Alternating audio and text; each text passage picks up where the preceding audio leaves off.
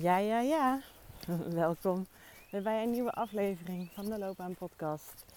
Ehm, ja, ik loop op dit moment buiten. Misschien hoor je dat. Ik ben ook even andere uh, oortjes aan het gebruiken om te zien hoe dat is qua kwaliteit. Uh, van alles aan het experimenteren. Maar goed, wat ik in deze aflevering centraal wil stellen, is dat ik pas geleden een loopbaangesprek gehad met mijn klant. Ja, de, uiteraard als loopbaancoach. en uh, ja, we zijn op een voor haar, denk ik, onconventionele manier erachter gekomen wat zij idealiter graag zou willen in haar werk. Haar ideale functie, haar ideale rol uh, in, in uh, ja, haar ideale loopbaan. En dat had ze denk ik van tevoren niet verwacht. Want het ging zo. Zij uh, had weer een afspraak met mij en ze zit nog net niet. En ze vertelt, ja, ik heb wel mijn huiswerk gemaakt hoor. Meestal als mensen met die zin beginnen, moet ik altijd lachen. Hè, want we hebben het altijd over dat de voorbereiding uh, is natuurlijk iets wat, wat je doet om de kwaliteit uit het gesprek te halen. Hè? Wat je van tevoren, wat we samen hebben besproken. Uh, zodat je er zelf wat bewuster over wordt. Of wat onderzoek naar doet. Of ja, soms zet ik ook een bepaalde test in. En ze is dus mee aan de slag gegaan, maar juist hoe zij dit uitlegt, dat zegt mij al heel veel. Dus, uh, want ze vond het lastig. Ze vond het lastig wat de voorbereiding was. En de voorbereiding ging dus over wat spreekt haar nu nog aan in haar huidige functie in de organisatie waar ze werkt, met contact met collega's. Dus wat geeft haar in haar huidige functie energie?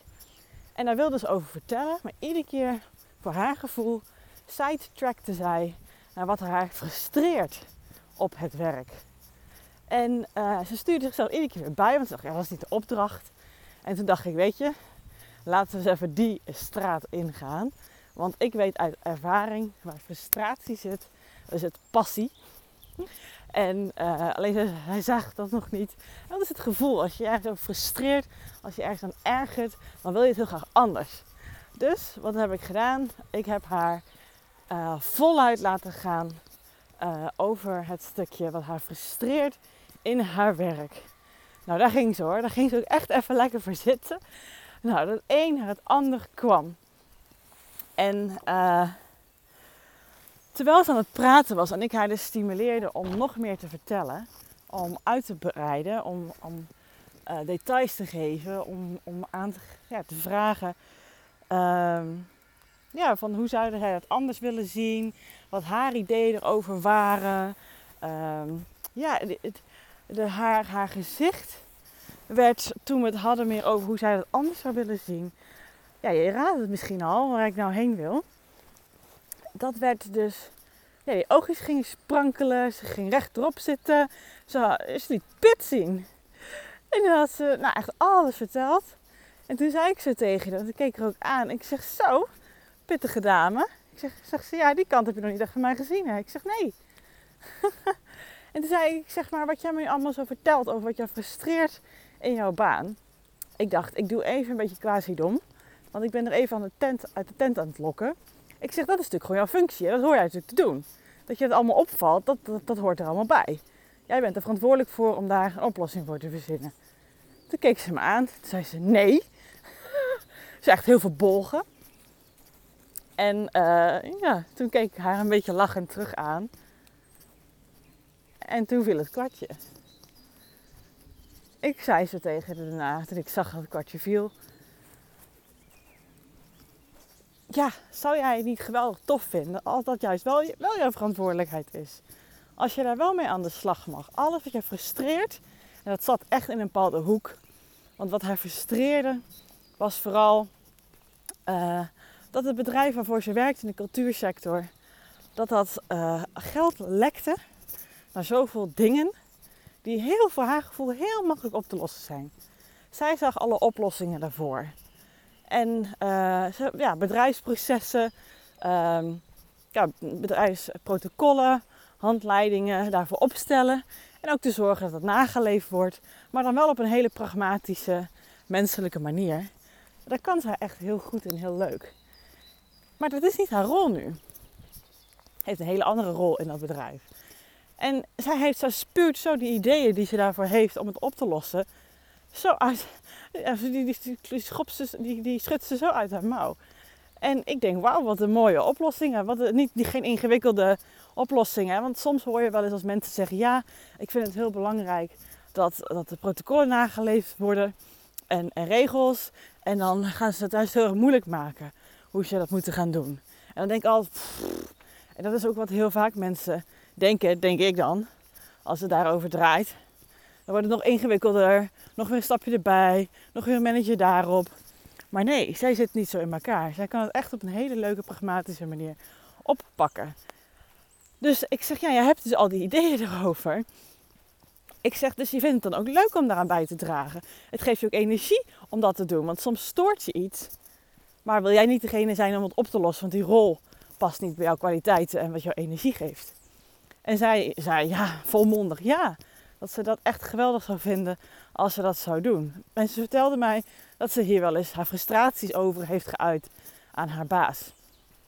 En uh, ze heeft ook wel eens gezegd: Goh, mag ik hier iets in betekenen? Mag ik hier iets in doen? Mag ik het oppakken? En iedere keer reageerde hij met: ja, We zijn ons nu aan het richten op de grote veranderingen in het bedrijf. Je hebt het hier over wat kleine dingen. dingen. Um, dus dan gaat de focus niet naar uit. Doe maar gewoon je functie. Dat laatste zegt hij natuurlijk niet zo, maar dat is wel wat hij waarschijnlijk bedoelde. En iedere keer wordt ze soort van teruggefloten, omdat het niet bij haar functieomschrijving past. Maar ze heeft gewoon wat extra tijd om handen, vooral nu, op dit moment, nu iets, pad iets afgerond is. En ja, dat pittige wat, wat kwam weer een stuk naar boven. Want ze zei, weet je, ik ga gewoon eigen regie oppakken, zei ze. Ik ga gewoon um, een voorstel schrijven, een paar. Op de dingen van ik zeg dat is gewoon laaghangend fruit. Um, daar kan zo makkelijk iets mee geïmplementeerd worden. Dus maar even één afspraakje maken met die afdeling. En, en per maand verliezen we zo, of winnen we zo honderden als niet duizenden euro's. Ja, zij snapt het probleem ook niet. En juist daar zit het goud. Hetgene wat haar irriteert op werk, waar zij frustratie over heeft en waar ze ook ideeën over heeft. En als ze daar iets mee mag gaan doen, dat haar dus energie geeft. Dat is de ideale combinatie. En dus toen ik tegen haar, Anna, vroeg, hè, een beetje zo van, uh, alsof ik even niet wist wat haar werk was. Dat hoor jij, dat is toch jouw verantwoordelijkheid, dat hoor je toch te doen. Maar je over de baas en hup hup. en dat ze toen zei dat dat juist niet haar rol was. Toen besefte ze, ja, dit is eigenlijk wat ik zo graag zou willen doen. Als ik hier een bijdrage in mag leveren. Als ik voor bedrijven dit kan betekenen. Lijkt me helemaal geweldig. En zo kwamen we toch, voor haar gevoel denk ik, onverwacht bij wat haar aanzet. Wat haar motortje aanzet. Waar zij op aangaat. Waar haar energie uh, zit. Waar zij graag aan wil bijdragen. Wat, wat haar ja, steentje in deze wereld mag zijn om aan bij te dragen. want je kan soms zoveel, maar wil je het ook echt? En dit wilde zij. En dat is dus die gouden combinatie. Wat je frustrerend in de wereld, op je werk, in relatie met andere mensen, uh, in je hobby, het maakt niet uit. Je kan het breder dan werk trekken. En dat jij dan ook zoiets hebt van, oh, ik, ik sta te trappelen. Ik heb hier ideeën over. Uh, ik wil mijn mouwen opstropen en het vakje gaan wassen. die combinatie, daar zit jouw passie. Daar zit hetgene waar je van aangaat. En juist dat op gaan zoeken, oh, dat is zo fijn als jij het gevoel hebt dat je daaraan mag bijdragen met jouw unieke ideeën en jouw zegt, dan pak je dus weer regie over je eigen loopbaan. En dat is natuurlijk wat iedereen eigenlijk graag wil. Want zo creëer je voor jezelf uh, je eigen functie. Het gaat zij nu ook doen. Ze gaat voorstellen schrijven. Hè, want je kan wel heel makkelijk tegen iemand vragen: Goh, hè, mag ik er even wat aan doen? En diegene zegt dan nee. Maar laat ze maar eens even zien wat je kan. Laat ze maar even zien wat je voorstellen zijn, wat je ideeën zijn. En dan kunnen ze daarop reageren om te zien wat ze daarvan vinden. En meestal vinden ze dat hartstikke interessant en goed. En dat is hetzelfde wat ik ook tegen haar zei. Mocht, het, ja, mocht je dit kunnen doen bij je bedrijf en je merkt op een gegeven moment, ja, ik wil toch meer, daar had ze het over de consultancy kant op, om het voor andere bedrijven steeds te doen, projectmatig. Ehm, ja, dan heb je ook al wat ervaring opgebouwd in het vakgebied. En ook dan, als je gaat solliciteren en ze vragen gewoon ouderwets uh, een brief en cv. Ga alvast onderzoek doen binnen dat bedrijf. Ga alvast voorstellen schrijven. Ga alvast met mensen kletsen erover van, goh, wat zou binnen dit bedrijf al suggesties kunnen zijn? Al een mooie aanzet maken in de baan die je nog niet hebt, maar waarschijnlijk op die manier echt wel binnensleept. Want zo zet je net dat extra stapje meer, waardoor mensen echt zien: hé, hey, zij heeft visie, zij heeft motivatie. Ook al weet ze niet of ze de baan krijgt, zij gaat er al helemaal voor. En juist dat is iets wat enorm aantrekkelijk is voor werkgevers. En ook voor jou extra oefening. ook op die manier kan je zelf ook gelijk even kijken of het bedrijf jou aanstaat naar jouw onderzoek. En dan kan je dus echt een win-win creëren. Zo pak je dus echt iets meer regie in jouw loopbaan. En plaats dan iedere keer maar wachten op toestemming van een ander, van een leidinggevende. Je bent volwassen, je kan uh, ja, een beetje buiten je functieomschrijving gaan om eens te zien hoe dat bevalt voor alle partijen. En als zij zeggen nee, dat willen we niet, dan is het voor haar ook een antwoord om echt sterk verder te gaan kijken, nu ze, nu ze heel duidelijk weet wat ze wel wil. Uh, om dat dus buiten haar huidige werk te kijken.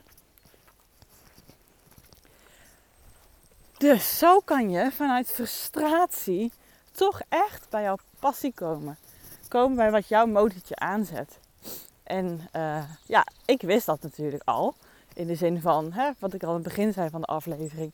Waar gevoel zit, waar, daar, uh, ja, daar zit waarschijnlijk ook wel passie. Maar voor haar was dat nog nieuw. Dus ze keek me echt met grote ogen aan. Ze zegt, dit had ik vandaag niet verwacht. ik zeg, nee, fijn hè? ik wel. maar dat is natuurlijk het mooie. Dat ze ook daar durfde aan over te geven. Omdat ik haar daarin stuurde. Omdat ze zo tot uh, ja, antwoorden, oplossingen, inzichten kwam. Die ze anders dus nooit gewoon gehad had. Want zij denkt, ja, ik kan wel gaan lopen mukken, mokken over mijn baan. Maar wat hebben we daaraan? Nou, dus dit. Heel veel. dus kijk voor jezelf. Wat frustreert jou als je niet helemaal tevreden bent over je huidige baan? Interessant hè, deze invalshoek. Oké, tot later.